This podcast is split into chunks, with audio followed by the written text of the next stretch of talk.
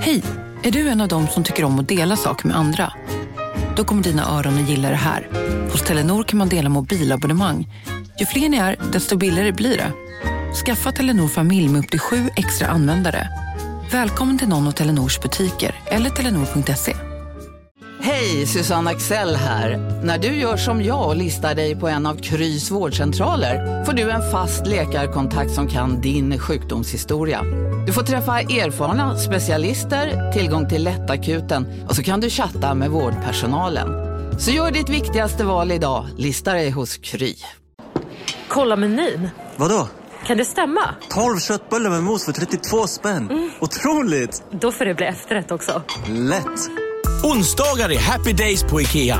Fram till 31 maj äter du som är eller blir IKEA Family-medlem alla varmrätter till halva priset. Vi ses i restaurangen på IKEA.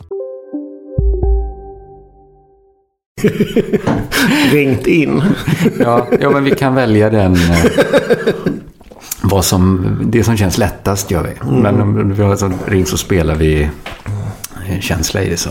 Mm. Då ska vi se här.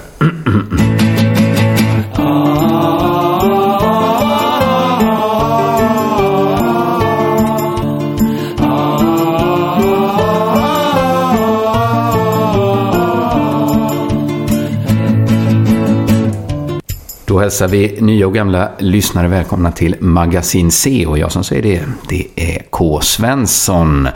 Vi har hållit på nu här en bra bit in på sommaren med det här magasinprogrammet och jag får tacka för all trevlig feedback som kommit in eh, sen förra veckan. Det här är ett program som inte drivs av Patreon-donationer utan det är bara feedback som gäller. Och vill man lämna sån så kan man lämna den i den låsta Facebookgruppen Kvallefiden, Kvalle bindestreck-feeden på Facebook så, så når det fram till rätt adress så att säga. Vill man eh, beställa Sinfonia 1-3 eller förbeställa Fantasia 1, eh, ur vilken eh, Mördarens ö, som vi hörde i de två första programmen, är en del, så går det bra att göra på shop.underproduktion.se. Det är alltså shop, engelskans affär.underproduktion.se snabel A. Men nu gör vi så här istället att jag riktar fokus mot eh, veckans gäst. Välkommen hit Gustav Moell. Tack så mycket. Väldigt trevligt att få vara här. Det är väldigt trevligt att ha dig här i, vi får väl säga det också, vi sitter i Studio Malmö nu i Stockholm. Det är alltså det här som är den klassiska Studio eh, Malmö? Ja, det kan vi, den låg inte här, den låg i ett annat rum innan. Men nu är Studio Malmö flyttar hit, men jag tror inte du lyssnar. Men känslan är densamma så att säga? Exakt densamma skulle jag säga. Vilken studio använder ni så att säga för det känsligaste, hetaste materialet? Då går jag in i vår minsta studio, Studio Bicicleta. Och det är bara, bara jag och mina djur som får vara där. Ja, ja. Men där går jag in när det är lite mer närmare, när jag läser högt ur Mia Berners bok PS, eh, Anteckningar från ett sorgår. Som vi gör i slutet av programmet. Där är ju som du, du nämnde, eller var det jag som nämnde att det här är ett magasinprogram av klassiskt snitt. Vi ska... Mm. Vi ska titta in lite senare hos Bulvanerna och även göra ett besök hos Doggarna, vår humorgrupp som är eh, tillbaks den här veckan också. Ni kan ju inte se det, men jag, i och med att det är ett magasinprogram så har jag försökt skapa lite sån här Jörn Donner-stämning. Det, är, ja, ja, ja. det är väldigt mycket cigarettrök. Det hade passat här, väldigt bra eh, om du satt och inte mötte blick. Blick, blick dricker väldigt mycket, möter inte ens kattens blick. Vi kanske... Vi dricker ju faktiskt lite här. Vi dricker Stassen. Mm. Det är en belgisk cider. Är du cidervän, Gustav? Uh, jag skulle kunna bli.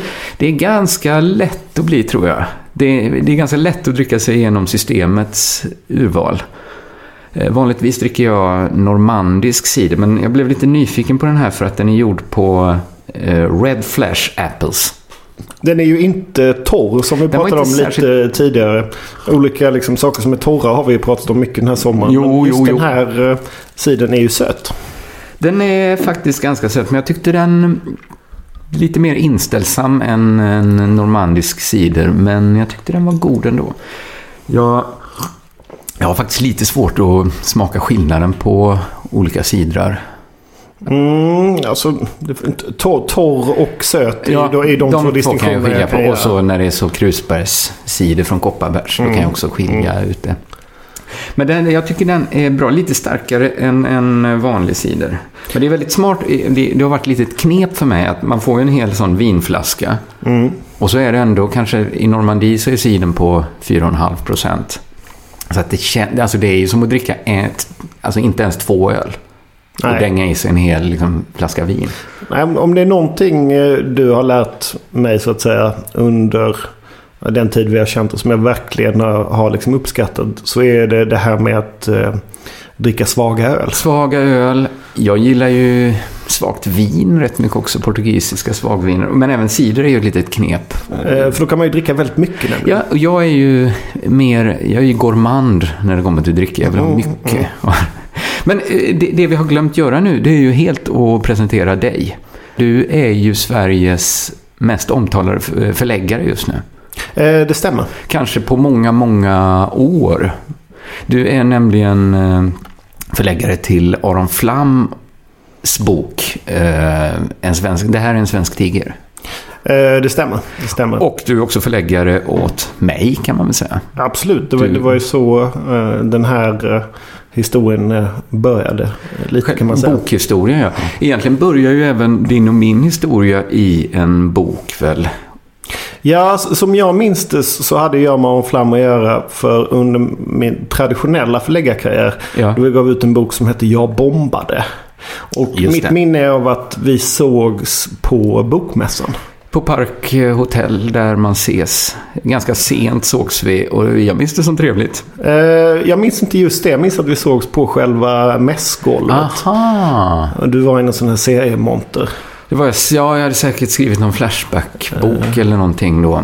Och Aron var väldigt, det här är min vän eh, Kringlan tror jag han sa. Ja, ja, ja. Så att, men jag har bara goda minnen av det. Ja. Jag inte har något minne av... Men man kan vi... Alltså vi är vänner, det beror dels på den här boken Jag bombar som var en antologi där svenska standup-komiker skrev om sina sämsta gig. Men sen har vi ju... Vi har ju gemensamma någorlunda besvärliga judiska vänner. Eh, några stycken, ja. De är lyckligtvis väldigt, eh, väldigt varmhjärtade och eh, härliga människor. Men, men lite av den besvärligare sorten. Kan man mm. säga att våra gemensamma judiska vänner är. Som har dragit oss tillsammans. Och nu, nu har vi ju en, en egen relation, du och jag. Ja, det, det får man väl ändå så att säga. Som inte är så att säga hör ihop med våra judiska vänner. Nej, Även nej, om de, de ligger oss väldigt varmt. Och, ja, det gör de verkligen. Men de är sällan med numera när du och jag träffas. Eh, precis, men, men det, det beror ju kanske ett... mer på... Jag vet inte liksom hur din och Annas historia med de gemensamma judiska vännerna har, har varit vet, så att säga. Anna har sin historia med sin judiska vän. jag har min historia med min judiska vän. Mm, mm. Jag, jag, vet ju själv inte riktigt vad, vad min och Arons eh, status är. Eh, jag tror att den är ganska god. Även mm. om han så att säga, han svär ju ofta han säger någonting förolämpande och sen så svär han mest över din produktivitet. Ah, ja. Som han ser, ser mycket upp till. Ja, men det var ja, men det är roligt att eh, höra. Fast han säger det såklart i nedsättande termer. Men ja, ja. kontentan är att, att han är mycket imponerad av din produktivitet. Ja, det är bra. Jag är mycket imponerad av att Aron är så, så smart. Det får man faktiskt säga. Vad har du gjort idag, Gustav? Jag åkte faktiskt ett morgontåg från Malmö. Mm. Där har jag bott Eh, hemma hos min bror. Mm. Eh, firade min mammas 70-årsdag i Lund igår. Eh, sen kom jag hem till min lägenhet. Ja. Mm, så var det tänkt att jag och en av våra judiska vänner och hennes son skulle Eh, äta afternoon tea på Grand Hotel. Ja, ja. Eh, men det frös inne så att säga. Så kan det vara. Och eh, blev istället till en väldigt trevlig middag på Prinsen. Jag har faktiskt aldrig varit på Prinsen. Jag borde kanske ta mig dit. Jag kan re rekommendera det. ja. Det, ska, det, ska, det är ett sånt ställe jag glömmer bort rätt ofta. Jag går ju egentligen bara dit för att jag vet att Chris O'Neill har gått dit en gång. Det är ändå inte det mest Chris O'Neill-iga stället jag kan tänka mig. Nej. Det känns inte så... Jag vet inte vad jag har för idé om Chris O'Neill i och för sig. Men en annan bekant köper ju till exempel eh, bara motor 70 tomater. Alltså tomater av väldigt hög kvalitet. För att eh, hon en gång såg Chris O'Neill ha, mutti. ha mutti-tomater. Ja, ja, man kan ju välja att styra sitt liv efter vad man har en känsla av att Chris O'Neill gör. Jo, men liksom, i den här tiden liksom, när mycket, mycket saknar så att säga, förebilder i samhället och eh, vad ska man liksom... Ja, varför inte ta Chris O'Neill? Han är väl inte sämre än någon annan? Nej, alltså, jag, jag, jag, han är kanske inte... bättre än de flesta. Jag, skulle säga, jag skulle säga så här att jag tror inte man ska ta efter Chris O'Neill i allting. Nej. Men om du går in i en mataffär och ska köpa tomater. Så tror jag inte Chris O'Neill är den som köper de sämsta tomaterna. Och Det den som inte heller. har koll på vilka tomater som är goda. Nej, nej, det tror inte jag. Jag, jag, tror han, jag tror han har jättebra koll på läget. Och jag tycker det är ju roligt, eller får man ens säga, men det är på något sätt roligt att en, en stoner är ingift. Jag menar, om du tar illa upp Chris så, så, så det är på tiden att vi får in lite grönt blod i kungahuset. Ja, ja. Eh, själv har jag varit eh, ett litet sommar, ett, ett lite Stockholmstips. Kanske den bästa konsekvensen av coronan är ju att man kan, man kan ju vara i Gamla stan nu. Jaha. Alltså Gamla stan är ju, skulle jag säga, Stockholms absolut bästa stadsdel. Men det är väldigt svårt att vara där för att det är så jädra mycket folk alltid. Min första lägenhet i Stockholm låg ju i Gamla stan. Jag kan tänka mig att den var underbar. Det var faktiskt underbart. Ja, men jag tycker att det är väldigt fint i Gamla stan. Och det är inte bara som någon sorts inflyttad turist jag säger det. Utan, och, och det, man kan, det man upptäcker när det inte är så mycket turister är ju... Dels så ska man ju säga så här, det, upptäcker, det vet man ju, det, det är väldigt bra krogar i Gamla stan. Men det finns också väldigt mycket kul små affärer som man missar om man inte är i Gamla stan. Jag kan visa vad jag köpte idag. Kan du gissa vad det här är? Nu ställer jag fram ett föremål på Ska vi låta lyssnarna gissa? Ja, det är svårt nu kanske, men jag tänker jag lägger upp en bild på det i den låsta Facebookgruppen Kvallefiden. Eh, jag, jag tänker på den gamla Lundakonstnären Oskar Reuterswärd och hans omöjliga figurer. Ja, visst ser det ut som ett, en artefakt? Alltså en av verkligen- människans hand skapat föremål. Men, men det är faktiskt ett naturligt föremål. Så här ser det ut i naturen. Alltså den är inte slipad, den är inte... Nej, alltså jag skulle... Men alltså den finns i, sin, i den här formen i, I naturen. den här, den kristalliserar sig i kuber. Oj, Det där nu är... blev det genast... eh, Är, är det så eller är det så att säga så, som eh, den gubben i affären sa, sa, till, dig, sa till dig när du kom in? jag hade läst på innan. Jag var, jag var faktiskt där för... Jag gick till en stenaffär i Gamla stan för att köpa En sällsynt sten. sten. Pyrit heter Jaha. det. Eh, på engelska kallas det Fool's Gold och på tyska heter det Katzengold. Det vill säga, det är kattguld. Jag- Jag tycker alltså just det här när man ska gå några ärenden eh, på stan. jag pratade med min, min morbror häromdagen som då inflikade att eh, sen var jag bara tvungen att eh, svänga förbi och kö, köpa några uppstoppade fåglar hos en kille jag Ja, men så, ibland kan man få en sån lust att köpa något bara. Och jag har ju, det, det här är ju en energiblockerare då, om man tror på sånt. Men eh, framförallt har jag ett litet pyrande stenintresse som jag mättar på i Kristallhuset i Gamla stan. men, men hur gick diskussionen i hushållet så att säga, när, när, när du sa att du, du skulle ut och göra ett ärende? Jag ska bara ut och köpa en sällsynt sten. Den är inte så sällsynt tyvärr. Nej, okej. Eh, Den där, den kostade 27 kronor. Aha. Så den, den är inte alls Skulle man kunna säga att det är en ingångssten? Man, för ja, jag tror man kan börja med pyrit. Jag tror det är en bra nybörjarsten, pyrit. Det är mycket sten för pengarna, så att säga. Ja men det, det tycker jag verkligen att, att eh, det verkar vara 27 kronor. Det, Ja, det kan man ju unna Jag sig. blev lite förvånad när hon sa 27 kronor och tänkte varför köpte jag inte fler? Det är vä- vä- väldigt liksom, intressant prissättning överhuvudtaget 27. Det, de väger dem.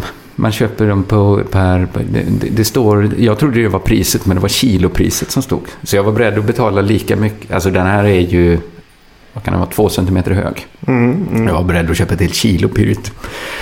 Men vi ska inte hänga oss kvar här vid pyrit. Vi, vi ska göra så här att jag vill snart höra mer om ditt förläggande, såklart, som du är högaktuell med. Men innan dess ska vi titta in hos samhällsredaktionen Bulvanerna som fortsätter granska fallet Lars Truedsson. Hur är det egentligen? Är han Sveriges Radios mula? Under de år jag jobbade på TV och på produktionsbolag så fick jag höra att det första man gjorde, i alla fall på de stora produktionsbolagen, det var att när man fick in en beställning med en budget, det var att ta hälften av pengarna, bokföra den som vinst och sen sätta budgeten. Och det fick mig att börja fundera på systemet. Helt enkelt varför det finns. När det kommer till TV kan man hävda att det handlar om volym. Mycket mer TV produceras idag och de gamla lokalerna, den daterade maskinparken är inte anpassade för modern TV-produktion och så vidare. Det finns mycket att skylla på. Och rätt mycket av det här är ju också helt rimligt. Det har också tillkommit kommersiella kanaler och konkurrenter sedan TV-husen byggdes runt om i Sverige och SVT noterade fördelarna med att använda samma produktionsbolag som deras konkurrenter. Man anlitade helt enkelt andra för att göra tv-program. Med tiden började man lägga ut även program man tidigare gjort själva, in-house som det heter, på entreprenad. Detta kan förklaras med att det är jobbigt att göra grejer, skönt att anlita någon annan. Jag gör det gärna själv. Många känner av städhjälp just för att det är så jobbigt att städa själv. Detta har lett till att tv-husen idag är mer att betrakta som administrativa enheter än som produktionsanläggningar för television. En talande bild är flytten från tv-huset på Jägersro i Malmö. Jag tillhörde de sista som arbetade där innan vi flyttades. Jag tillhörde de sista som arbetade där innan vi flyttade permanent till de nya lokalerna i Västra Hamnen. Vi fick ett stort kontor att arbeta i när vi gjorde Gabba Gabba, det första barnprogrammet jag gjorde. Och vi gjorde det inhouse på tv-huset i Jägersro. Det gamla tv-huset var jättestort och det var byggt för stora kameror och dörrarna var enorma på sina ställen. Scenarbetare sprang runt och släpade på pundare som man kallade de tunga järnvikter som användes för att hålla stora saker på plats. Vi kunde spela in talkshowen Robins där inför en stor publik med kontrollrum och publikvärdar och inspelningsledare som dirigerar publiken minutiöst. Enorm inspelningsstudio. Här har du ditt liv, stor studio. Och många långa korridorer med små rum och mysiga krypin där man kunde sitta och försöka komma på idéer och kanske vråla av skratt och hålla på att dumma sig. Men det var precis innan flytten. I Västra Hamnen var det öppna kontorslandskap som gällde. Mötesrummen hade glasväggar. Inga personliga detaljer på de höj och sänkbara skrivborden. Tanken var att man skulle byta ofta. Även om man inte gick på korta kontrakt skulle man hoppa runt lite. Såklart väldigt bra skrivbord, ergonomiskt utformade. Det erbjöds friskvård, massagestolar, fotbollsspel som jag älskar, in i själen, modern kaffemaskin, Fat Boys. Goa att slänga sig i. Men jag trivdes i Västra Hamnen och jag trivdes med de medarbetare som följt med i flytten från Jägersro till Västra Hamnen. Jag ska inte klaga, jag hade bara varit på Jägersro i några månader och det var rätt ödsligt där när alla redaktioner börjat flytta. Jag tror vi satt och vräkte oss i ett av Antikrundans gamla kontor. Jag brukade strosa runt och leta efter lite lätthanterlig memorabilia som man kanske kunde sno eftersom allt ändå verkade vara på väg att slängas. Så blev det också med det gamla rekvisitaförrådet, ett väldigt lager som tillåtit svälla under åren. Rekvisitaförråd i gamla tv-hus blir bara större och större eftersom nya produktioner hela tiden kräver nya grejer. Det hade tagit 40 år att bygga upp rekvisitaförrådet på Jägersro. 40 år av samlande och specialbyggande. Det fanns nästan allt där. Behövde man en plånbok till en sketch så fanns det en hel låda full.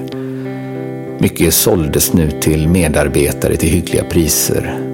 Det var som att gå på en väldigt ball loppmarknad och jag köpte ett par gamla affischer och min kollega såg jag en dag med hela famnen full av likadana spargrisar i olika färger som tydligen hade samlarvärde. Mycket slängdes som sagt och nästan inget flyttades med till Västra Hamnen. Det fanns inte möjligheter att lagra särskilt mycket rekvisita där.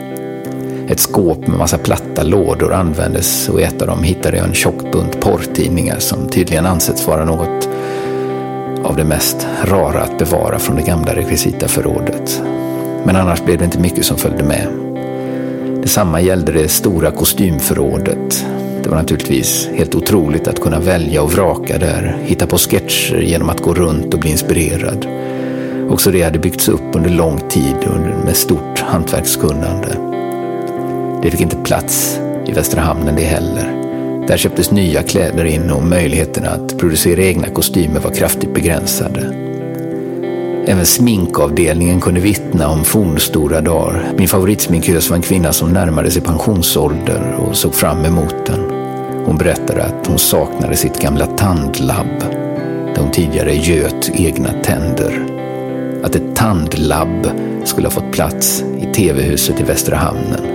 Vi häpnade och berättade om det för varandra som en rolig historia. Hon hade räddat sina bästa peruker, de med äkta människohår. Hon ville knappt lämna ut dem. Nypris kanske hundratusen.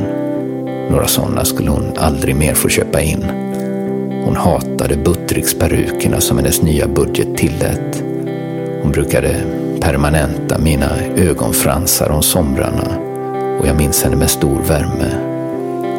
Men det var något som hade hänt, helt uppenbarligen. Talkshowen Robins gick inte att spela in i det nya tv-huset, för det nya tv-huset var egentligen inte byggt för att producera tv i. Så vi fick hyra in oss i externa studios. Jag jobbade på Gabba Gabba, Robins och Sommarlov. Det var alltid en rätt frisk mix av pro projektanställda och fastanställda. Vi satt på tredje våningen och på våning tre märktes det inte riktigt att något hade hänt. För många av oss var rätt gröna ändå. Bara då och då när man snappade upp lite stories. Det var mest folk som jobbade med den kreativa biten som satt på våning tre. Projektledare och sånt, manusapor, programledare. På andra våning satt cheferna och nyhetsfolk och sånt viktigt. Det öppna kontorslandskapet var lite mindre öppet där. På våning två märktes också att något hade hänt. Men det verkar alla vara förtjusta i. Fulla av energi och lust att styra. Längst ner fanns en öppen matsal med utsikt över vattnet genom enorma fönster som sträckte sig upp till taket. Det fanns ett litet kök med mikrovågsugnar och bakom allt låg den lilla studion, den lilla verkstaden, smink och omklädningsrum, lite hängare med kläder. Där märktes verkligen att något hade hänt. Det var något sorgset bland själva grovarbetarna på TV-huset. Jag lurades länge av att jag hade varit där så kort tid på Jägersro innan vi flyttade. Jag hade missat den roliga tiden i det gamla TV-huset. Jag hade kommit in när flytten redan var påbörjad. Jag hade trott att de här griniga gamla gubbarna och tanterna alltid hade varit sådana. Men sen förstod jag att det där sorgsna, lite trista förhållandet till arbetsuppgifterna, slappheten ibland, kom sig av att man hade tagit något ifrån dem. Rekvisitaförrådet, alla kostymerna, den lågt värderade erfarenhetskunskapen. Cheferna hade hur mycket som helst att göra. Nu ställdes de på prov, nya tider. Och vi på våning tre spelade fotboll och drack kaffe ur den fina kaffemaskinen, vräkte oss i varsin fatboy och var kreativa. Fast vi visste också att något hade hänt. Vi hade flyttat från ett hus som var byggt för att spela in TV i, till ett hus som var byggt för något annat. Det här var allt för veckans avsnitt av Bulvanerna. Nästa vecka fortsätter vi granska fallet Lars Truedsson och vi ska titta närmare på SVT Malmö och flytten från Jägersro till Västra Hamnen. Från ett tv-hus gjort för att spela in tv i till ett som var byggt för något helt annat. Ja, spännande det här fallet Lars Truedsson. Vi får se vad det landar i. Jag sitter här med Gustav Moell, förläggare. Bland annat, du är, du är verkligen en mångsysslare. Mm, mm. Jag har, kan ju ärligt säga att jag inte har koll på allt du gör. Nej, men eh, det behöver man Nej, det behöver man inte. Men jag blir heller aldrig förvånad när jag får reda på en ny grej du håller på med. Nej, det, det är lite... eh, Men, men eh, det delar vi väl eh, lite så att säga. Alltså det här med plötsligt börja skriva något på vers till exempel. Ja, ja, ja, precis. Att man inte känner sig så, så hindrad av att inte ha världens cleanaste CV. Mm, ja, men du, du kom väl ut från Lund med en, liksom en kultur och sociologiexamen i bagaget så att Jo. säga. Och eh, hembränt vin. Men du har, du har ju ändå så att säga utifrån den examen så har du ju ändå eh, lyckats ta dig in i många Ja, eh, fält så att säga. kanske inte alltid, inte formellt hjälpt av min examen. Nej, men, nej. men kanske en del Fast det är en, det är en fråga man, man får eh, ofta sådär. Ja, men, men vad har du för examen för att... Just lite det. sådär, vad har du för körkort för att... Ja, har du liksom rätt att framföra det här liksom dikteposet? Ja, precis. Har, har du så att säga ja, körkort för, för eh, episka versmått? Ja, nu får man nästan säga att jag har det. Ja. det men det, ja, det är inte som, man behöver inte lägga fem år, det är inte som att bli läkare eller pilot riktigt. Men det är kanske man behöver, det är som att bli mäklare. Lägga något år. Ja, sen är det väl också, liksom, kan man för mycket om någonting så begränsas man lite av sin, sin kunskap. Ja, ja, precis. Jag tror ju väldigt mycket på den så kallade Suzuki-metoden. Ja. Att man bara är learning by doing Ja, helt enkelt. ja. Eh, Det, det har funkat väldigt bra för mig. Men du har, alltså då så länge vi känt varandra i alla fall, jobbat med böcker också i alla fall. Ja, i, i en eller annan eh, form så att För säga. jag tror, eh, vad heter det, Ekerlids förlag var det på Precis. när vi lärde Ja, ja. Och de gav ut då, jag bombade, men kanske mest profilerade mot biografier, Det har varit mycket biografier i Ja, mitt liv. Mycket, mycket näringsliv. näringsliv och lite historiska figurer. Mm, Och du har ju ett eget skrivande också. Är det rättvist att säga spök, ghostwrite? Vad heter Eh, Ja, det, det kan man, det kan man Det- säga så att säga. Så länge man får vara många olika saker eh, samtidigt. Ja, ja, precis. Du är inte bara det. Men du är Nej. det också. Du är lite, pen for hire. Eh, Ja, det, det skulle man nog... eh, eh, Det tar jag inte illa vid mig alls. Det skulle Nej. jag nog kunna eh, skriva ner. Så du, du, du kommer egentligen från, eller du har bakgrund inom den traditionella förläggarvärlden. Mm, mm. Men har Och liksom... det var väl lite det som, som föregick det här nya initiativet. Om man ska ta det väldigt ehm, snabbt så, så var det ju att eh, du frågade mig om jag skulle kunna ge dig en liten hjälpande hand i slutförandet av Sinfonia. Ja, och med hjälpande hand, en liten hjälpande hand var ett halvårs arbete med vet- många av delarna i hur en bok blir till. Eh, Men det- det var, det var ett väldigt, eh, väldigt roligt och lärorikt arbete. Och det mest lärorika där var ju egentligen när jag insåg så att säga att du redan hade sålt eh, väldigt många böcker innan boken. eh, Just det, man försöker runda det här lagringsproblemet.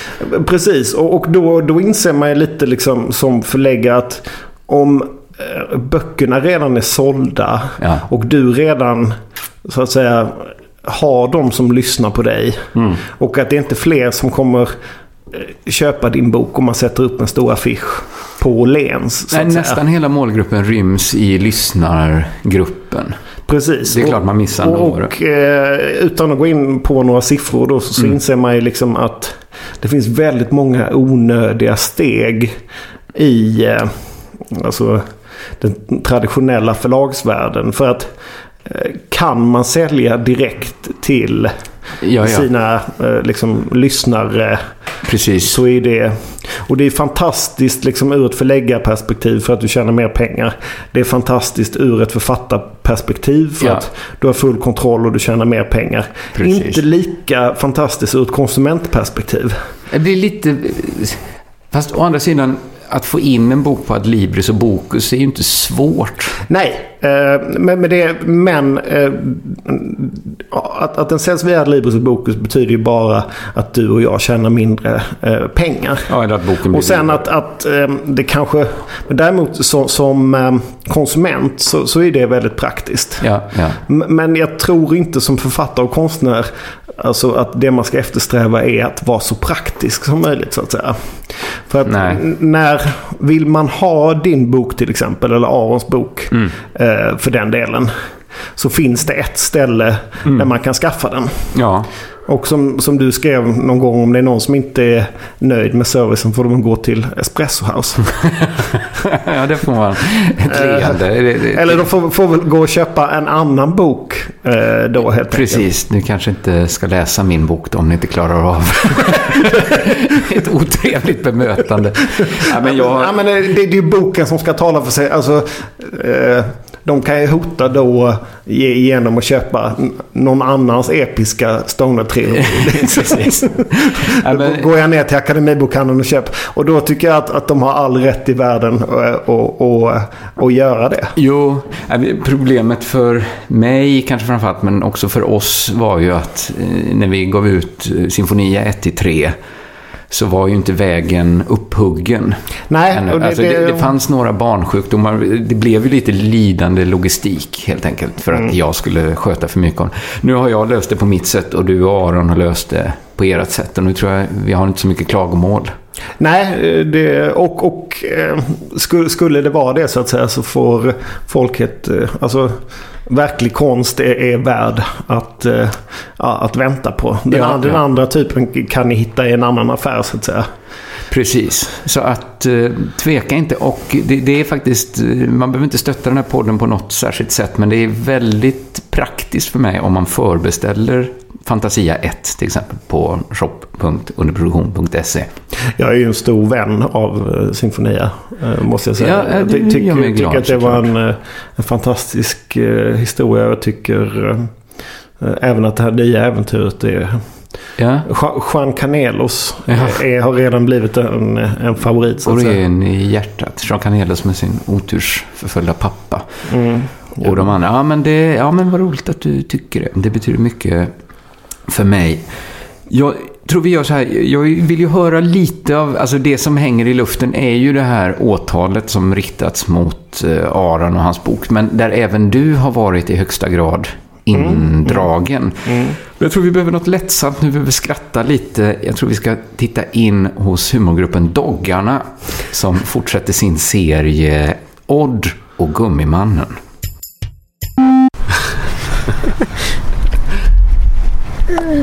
Nu, nu välter det någon slags... Eh, Oj då, nej, så lägger sig hon. ja! Oj då. Och hundarna. Vi har grejer här, vår picknick är i fara. Ja, jag var uppe och bar upp lite skit på vinden. Det var egentligen så det, så det började allt det här. Så såg jag det att det stod en låda där eh, inne i vårt förråd alltså som... Eh, jag såg liksom... Ja, men, lugn nu. Men håll inte på med den bollen för mycket då. Varför inte? Ja, men du märker ju att hundarna blir galna. Vad är det? De blir galna hundarna när du håller på med den bollen. Det är inget hundförbud överhuvudtaget på vår innergård. Varje gång vi är ute så skriker hon så här från översta balkongen så Rösta inte hunden här! liksom, och jag, då så blir det att jag står här nere och skriker tillbaka. vet. Jag har Alltså, så här, men man får ha hund här inne och så skriker hon så Ja men det, det ligger skit och piss! Men det har jag tänkt på, att det sitter så ofta, har bara någon affär satt upp så här, hundar förbjudet. Så bara, man, kan man sätta upp så egna fartbestämmelser också? Det är väl inte... Det är jättekonstigt. Jag tänker ofta på det med de som inte... För jag fattar när man har mat att då får man väl inte ha djur där inne. Nej, kanske inte, nej. Alltså om man har färskmat tror jag inte man får det. Nej. Men om det är typ en sån tobaksaffär. Ja, precis. Eller bara att de tycker det är jobbigt att hundar pissar på deras hus. Ja. Så här. Jo, jo, men nu får ju hundar pissa på hus. ja. det får alltså, jag tycker också det är lite konstigt att de får. Eller jag, att ha så här tik. De pissar ju så mycket på samma gång. Ja. Det känns lite konstigt att varje gång hon har pissat och det blir en stor pöl. Så tänker jag så här, varför är det här tillåtet? Ja, men uppe på vinden och så såg jag, det stod en låda där som jag inte sett förut. Så jag tänkte, vad fan, det är för jävla låda? De var liksom ordentligt tilltejpade. Jag tänkte, fan. För ja, det är ju också en grej, alltså att vi inte har haft sånt hänglås på vår dörr. Va? Nej, så ni var tvungna att... För de har varit på som fan med det. Ja. För att eh, jag har sagt det, men det gör inget. Om någon kommer och stjäl vår skit, jag blir bara glad. Ta den liksom.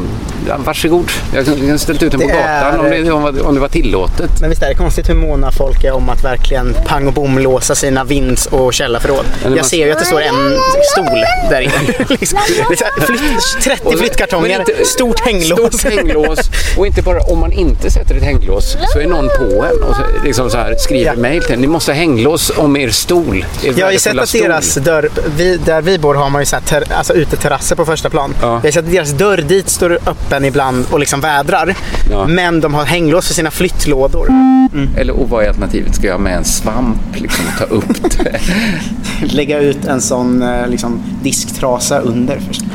Ja, men för det, det kanske inte är förbjudet. Man kanske får liksom låta dem pissa och skita. Hur, Jag tror man Kanske måste inte- väl plocka upp men står det i skiten. lagen att man måste? Det vet inte jag. Nej.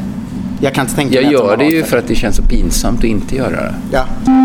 Att det är så att man kan ta gärna min TV och alla mina grejer, Ja, men inte mina fina, Nej. fina flyttlådor.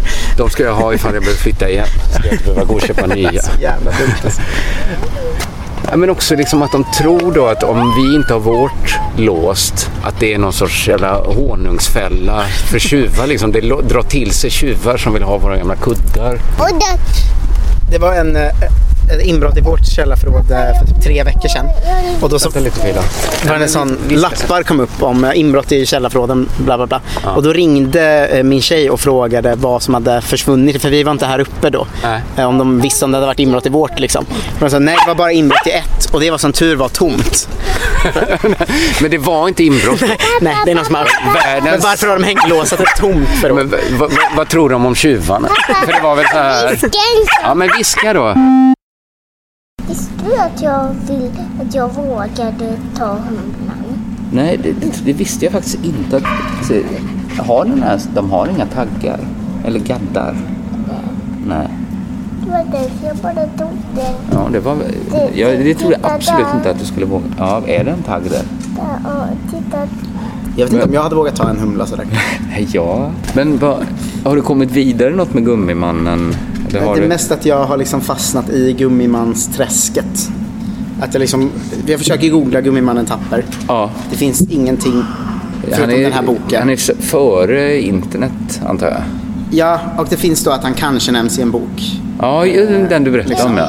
Ja, men eh, annars så har ju bara blivit att jag läst om andra gummimän. Och det har inte. Men jag var uppe liksom, såg den här lådan, kände inte igen den. Den var märkt då Odd Engström. Kände, ja, men det vet jag att jag inte skrivit på en låda, tejpat igen, burit upp. Det är en konstig fylla.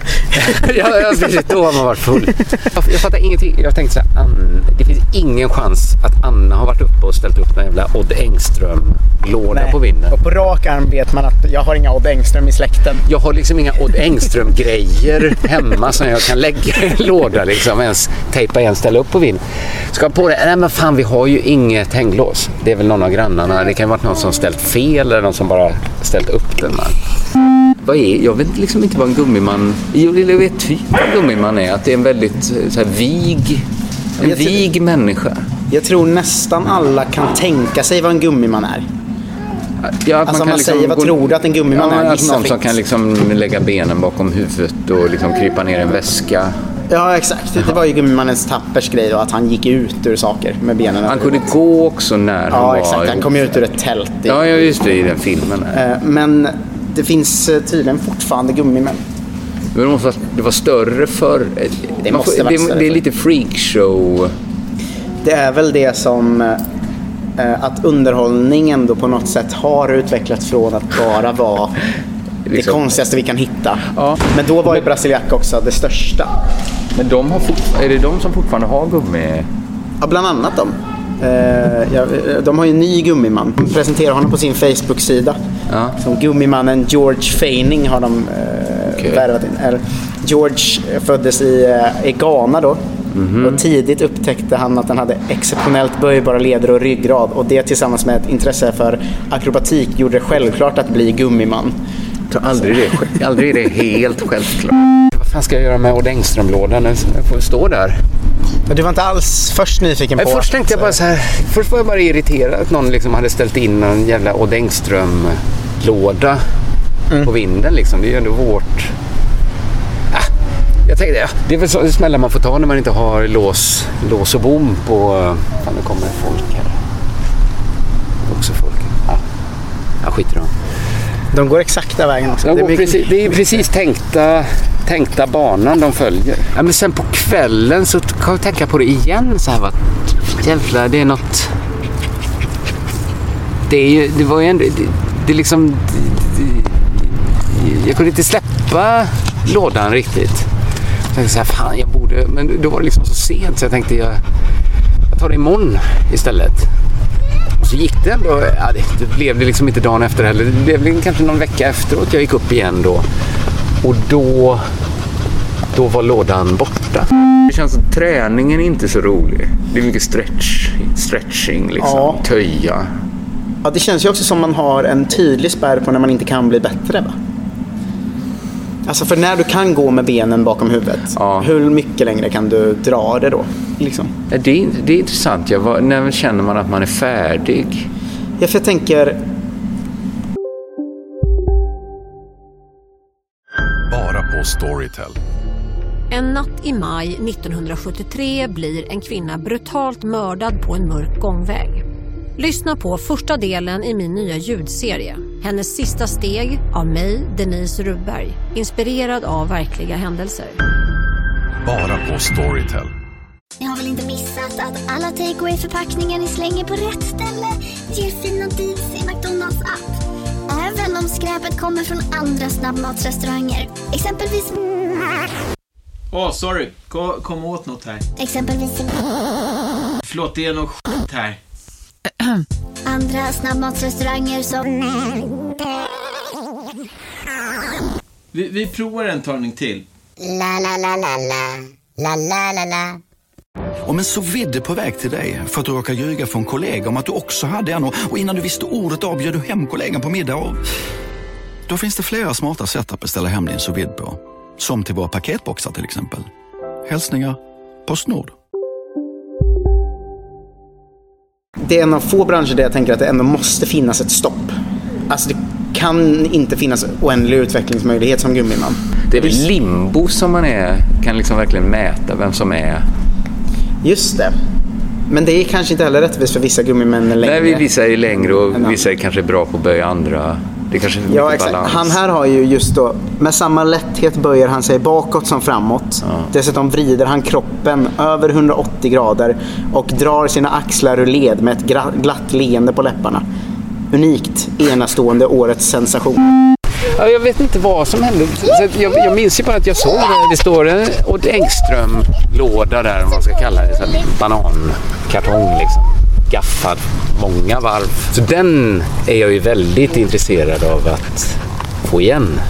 Det, det, jag, visste ju inte att den var... Jag visste att du hade hittat den. Men Mm. jag visste Ja, inte men då- att den försvann. det, För jag träffade dig samma dag Precis, David, så jag. berättade ju om, om lådan. Men, men sen eh, vad det nu är är, det kan ju vara papper eller video, det kan ju vara foton också. Det låter, om någon hade sagt till mig någonting. att Brasiliak har Ja. åkt till Ghana, hittat en man som är beredd att dra sina axlar ur led men le och satt honom på en cirkus. Ja, det låter fel. Alltså, Jag vet inte varför men det låter man vet fel. inte varför, för att han är ju här.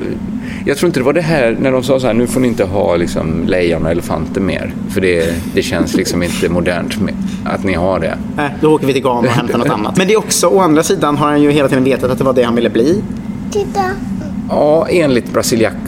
Alltså det är ju så här, de har ju inte bara åkt ner, pekat på en, tagit hem han och sen sagt så här, han kan bli gummi. De åkte ner till Ghana och sa, är det någon här som alltid velat bli gummiman?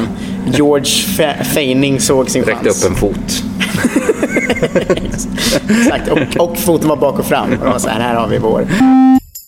Ja, vi tackar doggarna ännu en vecka. De är tillbaks igen. Hoppas jag. Man vet aldrig med doggarna. Man vet aldrig med humorgrupper riktigt. Men vi hoppas att de är tillbaks igen nästa vecka och förgyller den här sommaren med, med sina galna upptåg. Jag sitter här i Studio Malmö med Gustav Moell och jag tänkte vi, ska, vi får närma oss nu. Alla som lyssnar på det här känner säkert till att Aron Flam och du då gav ut eh, boken Det här är en svensk tiger på Samizdat.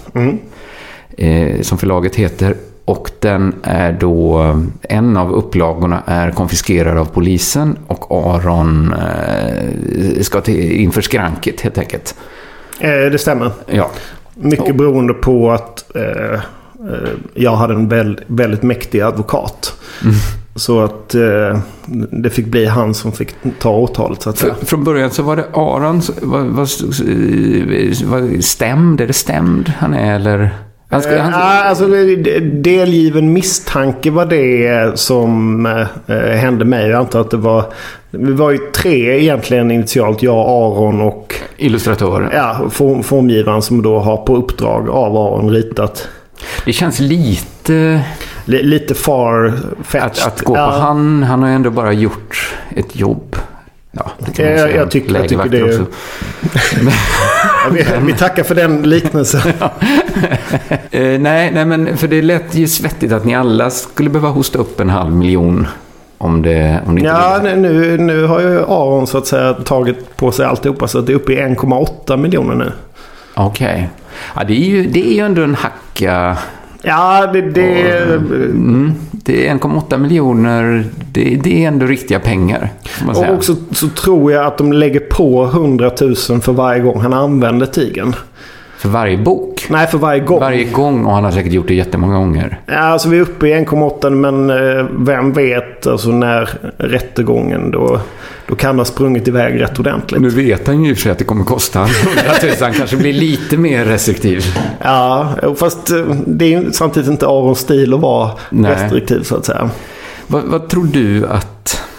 Det är lite svårt att förstå det här för att när man läser debattartiklar från både höger och vänster. Alla verkar vara överens om att det här är ingen bra... Det här åtalet är inte särskilt bra. Nej. Eh, Det, det verkar lite, lite svajigt alltihop.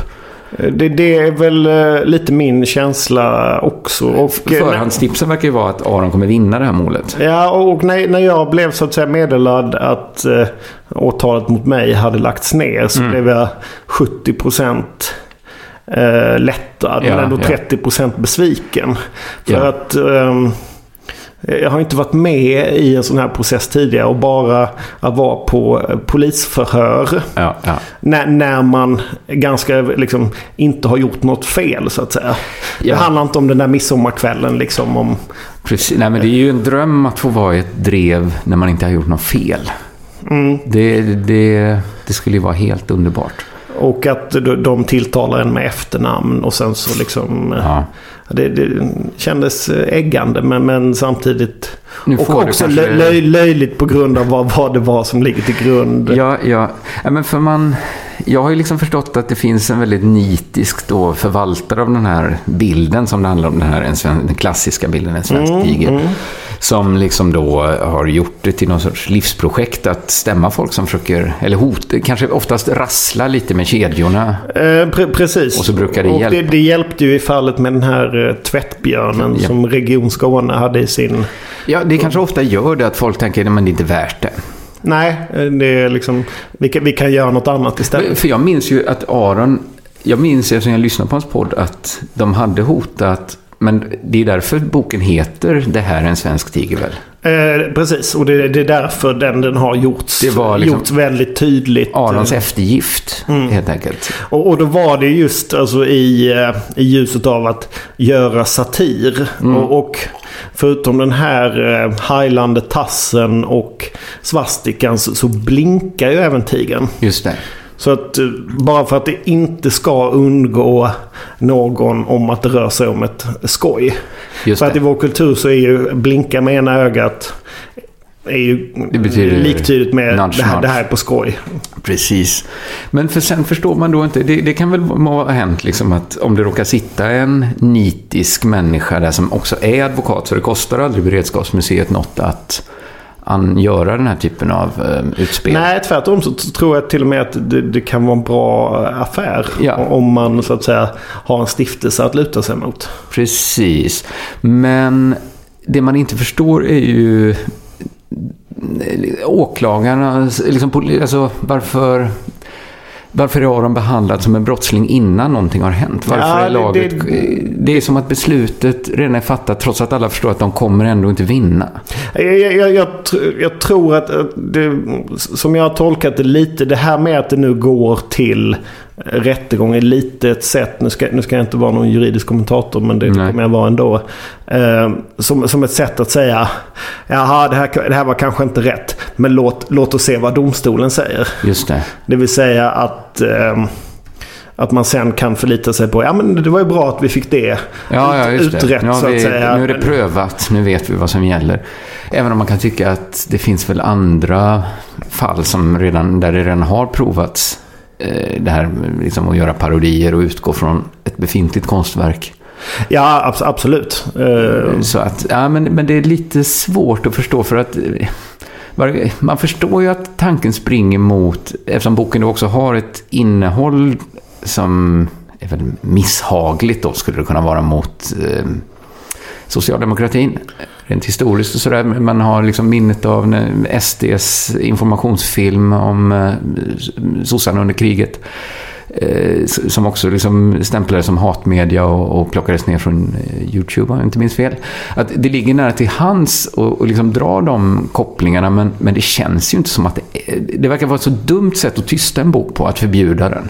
Nej, men om man ska ta parallellen då med symfonier till exempel. Om det kommer ut ett verk där mannen från Limhamn gör Ja. otroligt mycket obehagliga grejer. Och Ja. det är inte du som ligger bakom verket. Så skulle Mm. du säkert liksom, ta väldigt illa vid dig. Ja. Men det är inte säkert att du skulle ha så att säga eh, rättsligt underlag. Nej. För att, att du blir kränkt för att mannen från Limhamn gör vissa grejer. Och att Ja, ja. du är ändå så att säga far till den karaktären. Just det. Eh, Gör inte nödvändigtvis att, att du har eh, rätt så att säga. Att det, det kan, kan vara så att man får skoja med liksom en så pass allvarlig karaktär. Då. ja, jag, jag skulle nog i just det här fallet bara bli lite stolt om det kom någon sorts grisig fanfiction. ja, för det hade, det hade ju faktiskt eh, varit någonting om... Det eh, skulle jag nästan vilja uppmuntra till. Hur, hur kan ni tweaka den här? Va- Vad har han gjort tidigare till exempel? Unga år? Ja, det kommer lite, man kommer få lite, om man fortsätter lyssna på Mördarnas ö så kommer faktiskt eh, lite mer historia om mannen från Limhamn komma. Men jag får säga så här att det var väldigt roligt eh, att ha dig här Gustav. Eh, tack för att du fick komma. Det var väldigt trevligt. Och tack för den goda sidan och för att jag fick se eh, Studio Malmö. Ja, vi ska ta och bege oss iväg nu och, och ha en riktig helkväll i Limhamn. På Limhamn. Ja. Inte Limhamn, nu sa jag det. Lidingö. Lidingö heter det. Och nästa gång så hoppas jag att eh, jag då får så att säga spela in någonting i den allra, ska man säga, mest kontroversiella studion, Studio Bicicletas. Ja, det är ju faktiskt dit vi, vi ska gå Eh, nu när nu är liksom magasin C slut. Då går vi in i Studio Bicicleta där vår läsecirkel startade. Vi läser högt den här sommaren ur PS anteckningar från ett sorgeår av Mia Berner från 1985. Av många ansedd vara en minor classic. Eh, men med det så tackar Gustav Moell för att du kom hit. Eh, och jag som säger det, ja det är K. Svensson. Ja, då tackar vi Magasin C för den här gången och går in i vår eh, läsecirkel PS. Vilket betyder att vi återigen har förflyttat oss in i vår allra minsta studio, Studio Bicicleta. Den här gången är det bara jag och min hund. Katten fick stanna hemma. Vi har åkt för att fira bröllop i Småland. Och jag sitter här och vi ska ta oss an eh, fortsättningen på anteckningar från ett sorgeår av Mia Berner. Och jag insåg det efter eh, förra avsnittet att eh, jag kan ju tipsa om att det finns ett avsnitt om Mia Berner i feeden Della Her Story. Det finns ett eh, timslångt avsnitt eh, som, handlar, som utgår mycket från den här boken vi håller på och läser här. Nu, nu stojar hunden väldigt mycket här i bakgrunden och det, det är sent och alla andra har gått och lagt sig och podden håller på att bli försenad eh, och jag känner mig lite trött, lite, lite lätt berusad av spanska viner jag hade med mig. Eh, men nu ska vi läsa vidare i, i, i anteckningar från ett sorgeår i alla fall. Många anser att det är en minor classic. 1985 är den skriven. Och i förra avsnittet så, det var egentligen hela upptakten att Mia Berner då får syn på en bok av Pentti Sarrikoski, eller ett, alltså hans porträtt på en bok genom ett skyltfönster och sedan köper hon boken och blir besatt, skulle man kunna säga. Och när vi kommer in nu i berättelsen så har hon liksom sett till att hon ska få skriva en essay om Pentisarikoski, mycket lägligt, när hans eh, hustru är i Marocko. Och det är där vi kommer in nu i berättelsen. Och den inleds, det här stycket eh, som vi ska läsa idag, inleds med en eh, dikt återigen. Det kan man ju säga att det var ju man kan väl konstatera det efter eh, förra veckan att det är lite tungt. Så här. Det, det kommer ett långa sjok dikter och jag funderade ett tag man kanske skulle liksom redigera texten lite eller på det sättet liksom överföra den till eh, det mediet vi är i idag. Man kanske skulle, jag, jag kanske borde ha liksom gjort en behandling av texten men sen tänkte jag Nej, det, det, ska jag väl ändå inte göra. Det är inte något, alltså, det, nej, jag har inte heller den tiden att sätta mig in i, i ett sånt projekt och göra det rättvisa. Så jag tror det blir bättre att vi liksom läser den som den står. Det är ju så eh, många ljudböcker är ändå. Att det är, ja, ni förstår. Så det här inleds då också med en dikt av eh, ja, PS och den är väl skriven då av Pentti Sarkoski, får man utgå ifrån. Jag förlåter dem icke, ty väl veta de vad de göra. De ville att jag skulle skriva vackra sånger om vinden, om fågeln och trädet. Sånger som de sedan skulle läsa till sin själs vederkvickelse för att glömma vad de gjort. På dagen förgiftat vinden, dödat fågeln och trädet. En mer omfattande reseberättelse skrev jag också och den fick ett oväntat öde. På våren skulle eh, Fibs lyrikklubb trycka Pentis revir i sin lilla serie och behövde ett förord. Bråttom var det som det brukar och de fick min story fast jag ännu inte hade sett dikterna. Inte vet eh, jag vad som är fel på dem, förmodligen översättningen som är gjord av den oförtröttlige, oersättlige Jens Hildén. Hannu Salamas och Pentti Sarkoskis bästa prosöversättare. Det var bara så att Jens Hildén inte var någon lyriker. Och möjligen en sak till. Kan det vara att Revir inte är en lika vital diktsamling? Område brukade Pentti säga att den borde ha hetat på svenska som byggområde eller bostadsmiljö. Fast revir, en vackrare titel. Hur som helst kom min berättelse att tryckas där och sen också i Fibs eh, Lyrikvännen. Det rör sig om lite olika versioner, men dessa var mina intryck från Kerava. Kerava. Så kommer det liksom eh, som en ny rubrik här. Tre dagar med Pentti. A portrait of the artist as a middle-aged man. Det första vi talar om är ett ord i Pentis översättning av Georgias. Den som han håller på med just nu. Jo, ser du, god och vacker är hos Platon samma sak. Estetiskt vacker, etiskt god.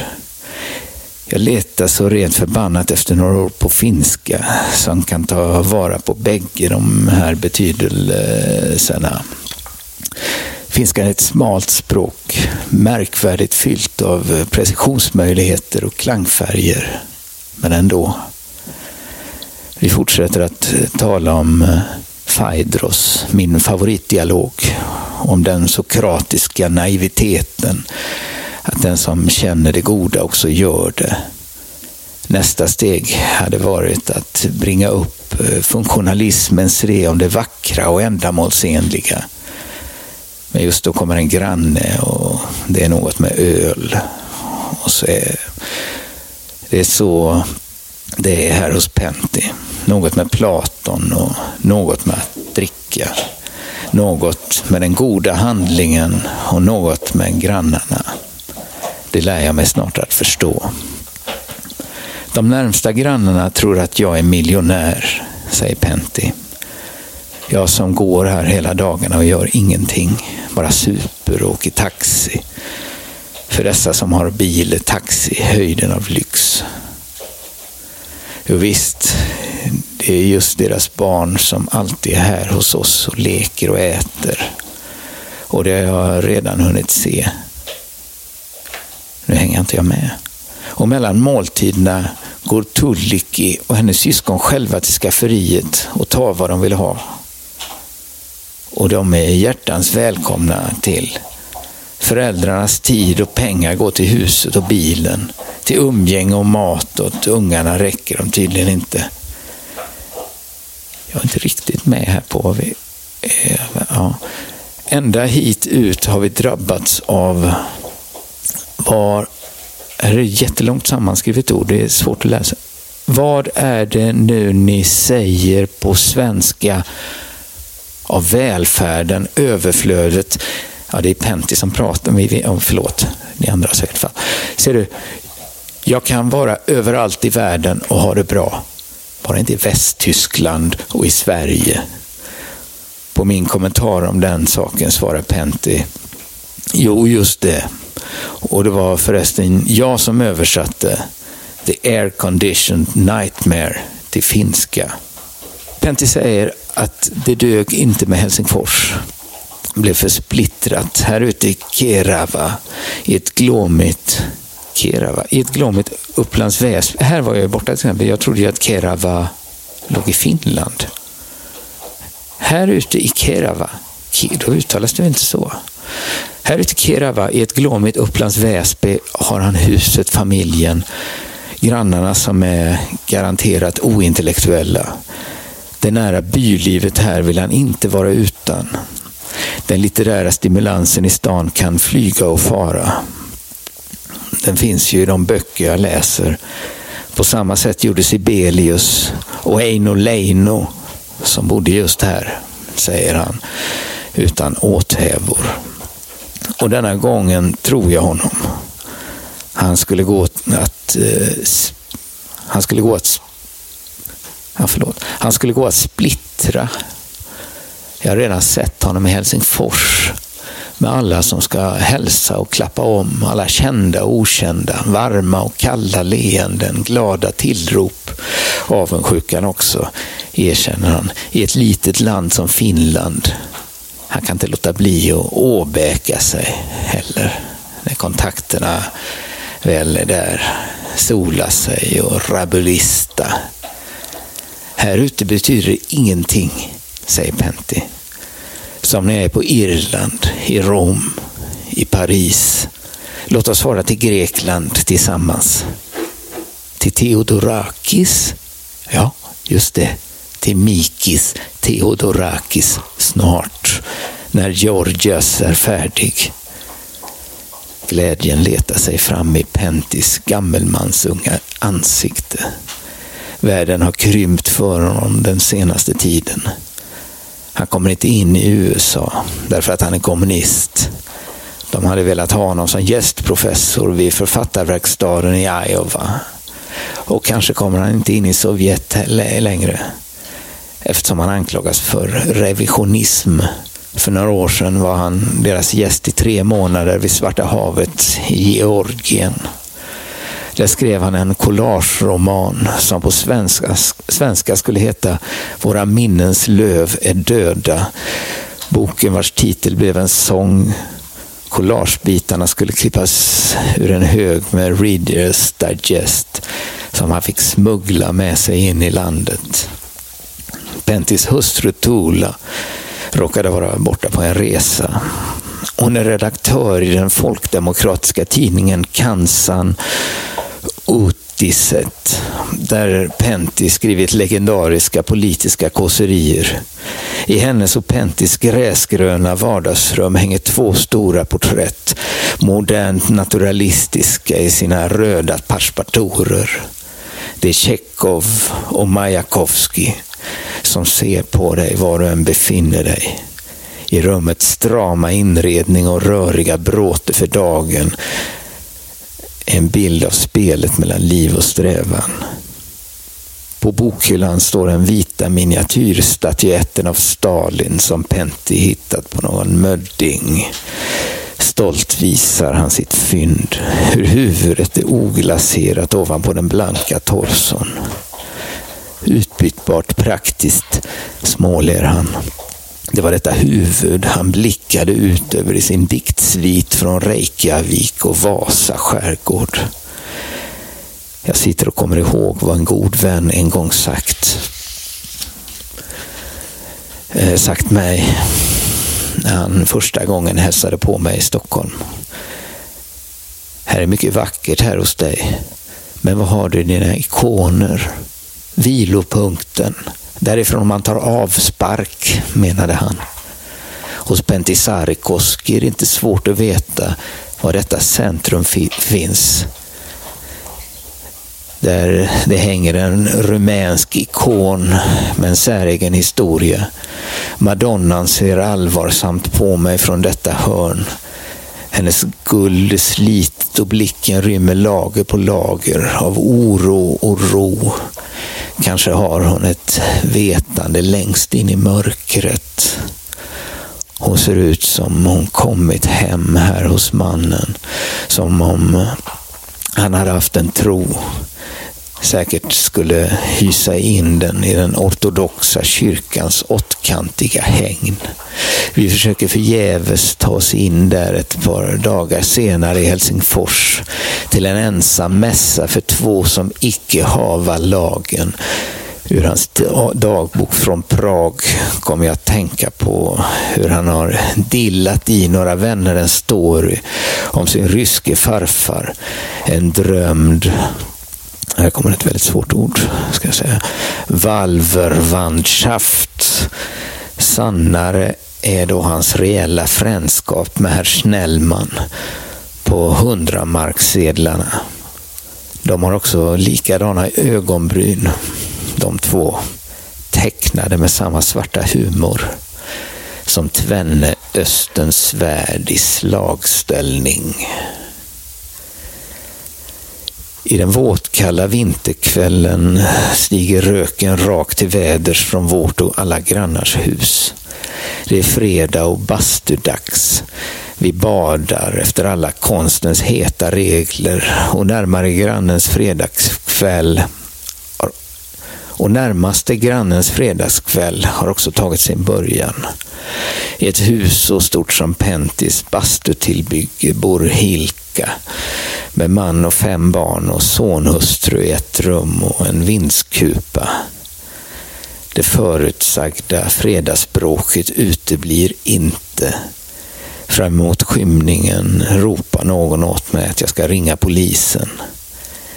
Det är tioåringen Jari som brukar spela på den enarmade banditen nere på krogen och ser ut som att han målats av Fra Angelico. Den här gången rör det sig om en annorlunda konflikt. Det är Hilkas äldste son som eh, klott upp mor sin. Han som alltid annars eh, försvarar henne mot farsan. Fast förra fredagen var det Hilka som segrade.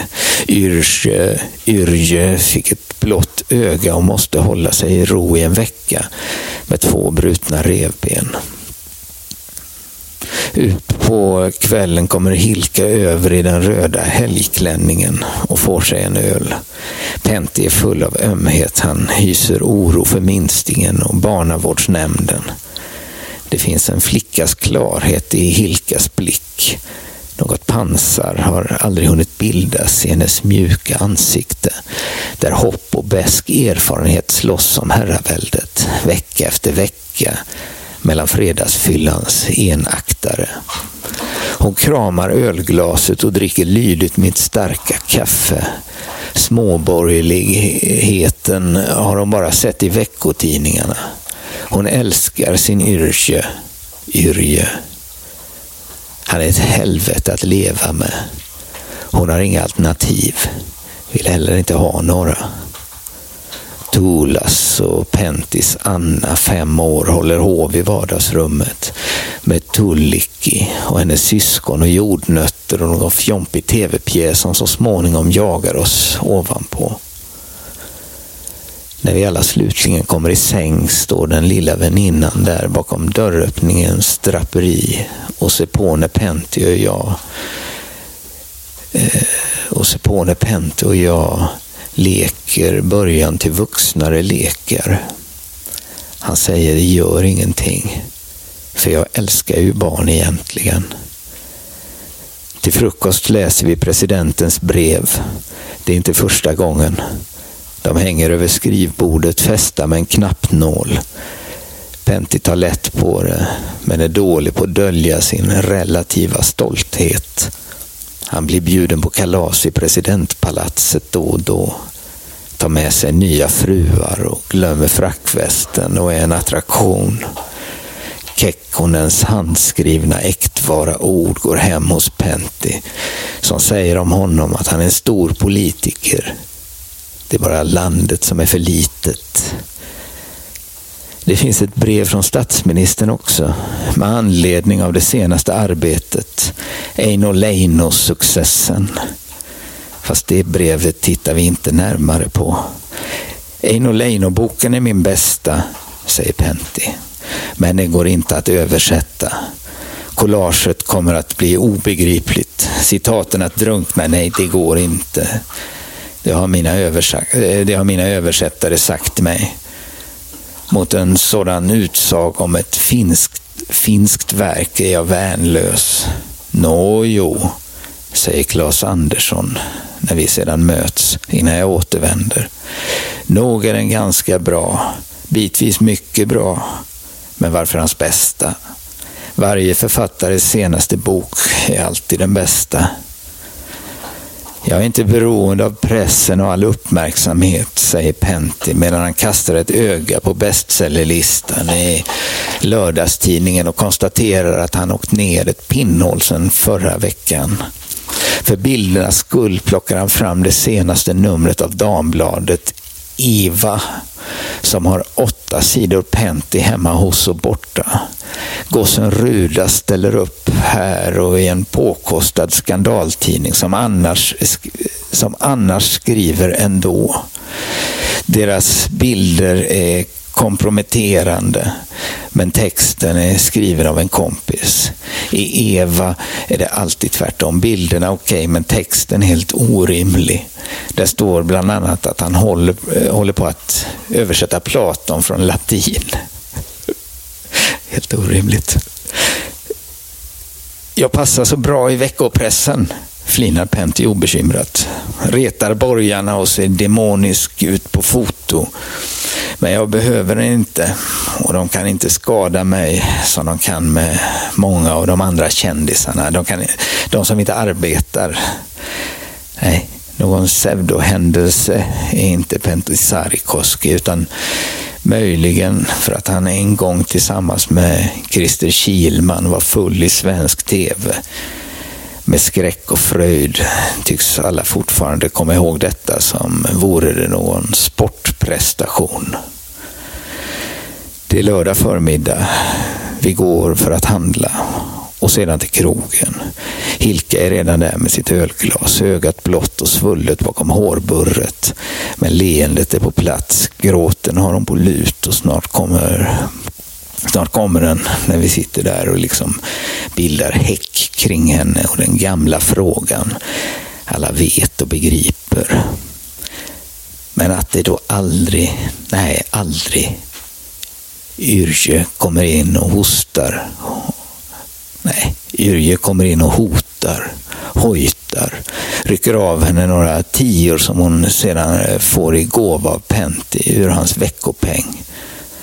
Yrje höjer handen till slag och en blixtrande smärta. Jag har druckit i 20 år, så när som på några kortare avbrott vid sjukhusvistelser, säger Pentti hemma vid köksbordet. Folk pratar en massa skit om alkoholister. De vet inte hur vi fungerar. Tror vi är berusade när händelserna skakar tror vi är berusade när händerna skakar, som om det inte vore tvärtom. Om sig själv säger Pentti tveklöst att han är alkoholiserad. Men han vill inte höra från andra. får associationer till eh, periodsupning och annat som väcker dåliga barndomsminnen och är honom fjärran mitt i vanedrickandet. Som i allt är han paradoxal. Han kollar hälsan regelbundet hos doktorn vart fjärde år. Han vet att han har eh, precis eh, två tredjedelar av levern kvar och ingen eh, nu ska vi se, cirrosis. Får heminevrin ibland och försöker peta i sig hyggligt med mat. Till vardags ser drickandet närmast ut som ett stillsamt pågående handarbete. Också de destruktiva vanorna är förhållandevis välskötta, så att säga. Men det har funnits eh, annat än vardagar i hans för ålderns påtagligt långa ja, jag fattar, i hans för ålderns påtagligt långa liv med två delirie, delirietillstånd och galna upptåg.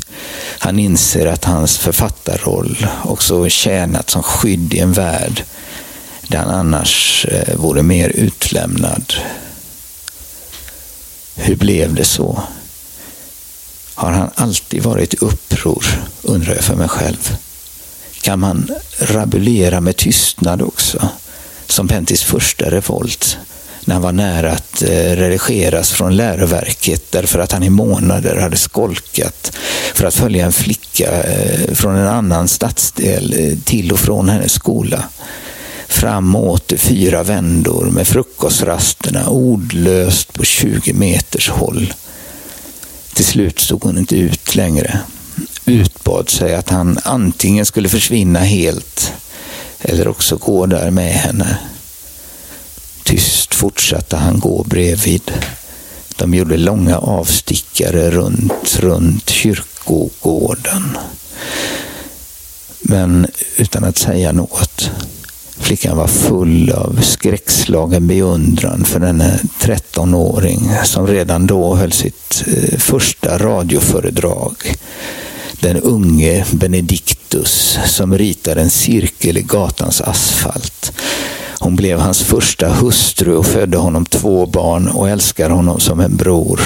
En vildvuxen lillebror. En av de få som går säker när han sätter igång sina yviga charmoffensiv. Sätter igång sin yviga charmoffensiv. Tola den första. Hon ler när jag kallar henne så. Hon som ser sin fostran av de två barnen som ett kulturarbete, liksom de övriga tre fruarna också fått göra. Själv är han sitt största barn. Nu måste jag ta lite vatten, förlåt.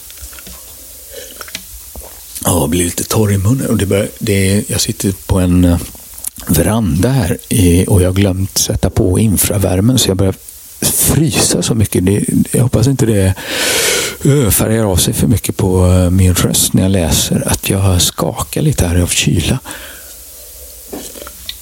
Jag hoppas lite att det här kapitlet snart är slut, så jag får gå in och värma mig nu.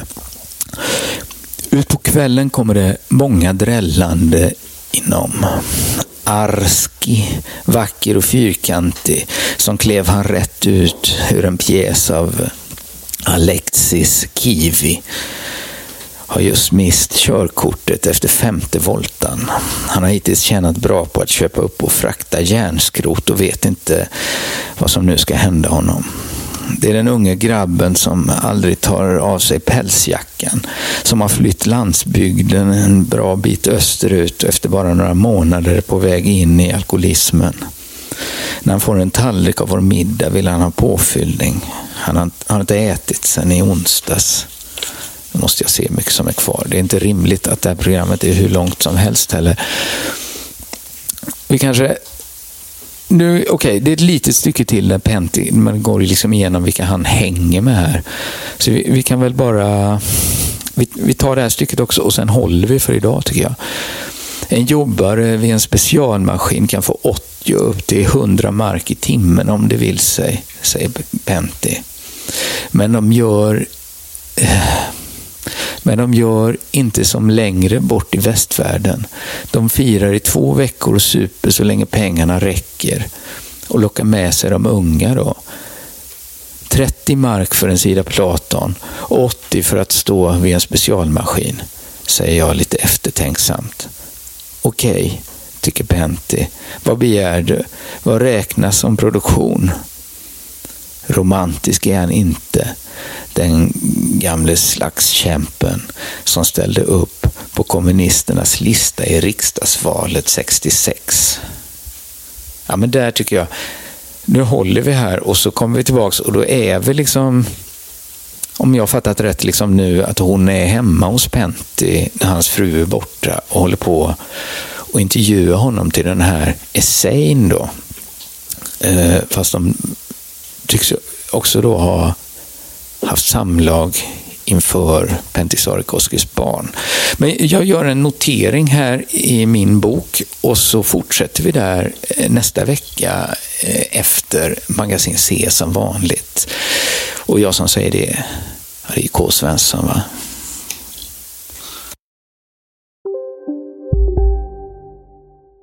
Demideck presenterar Fasadcharader Dörrklockan. Du ska gå in där. Polis? Effektar? Nej, tennis tror jag. Pingvin. Alltså, jag fattar inte att ni inte ser. Va? Nymålat. Men det var många år sedan vi målade. Demideckare målar gärna, men inte så ofta. Välkomna sommaren med att... Res med Stena Line i sommar och gör det mesta av din semester. Ta bilen till Danmark, Tyskland, Lettland, Polen och resten av Europa. Se alla våra destinationer och boka nu på stenaline.se. Välkommen ombord! Nej. Dåliga vibrationer är att gå utan byxor till jobbet. Bra vibrationer är när du inser att mobilen är i bröstfickan. Alla abonnemang för 20 kronor i månaden i fyra månader. Vimla! Mobiloperatören med bra vibrationer.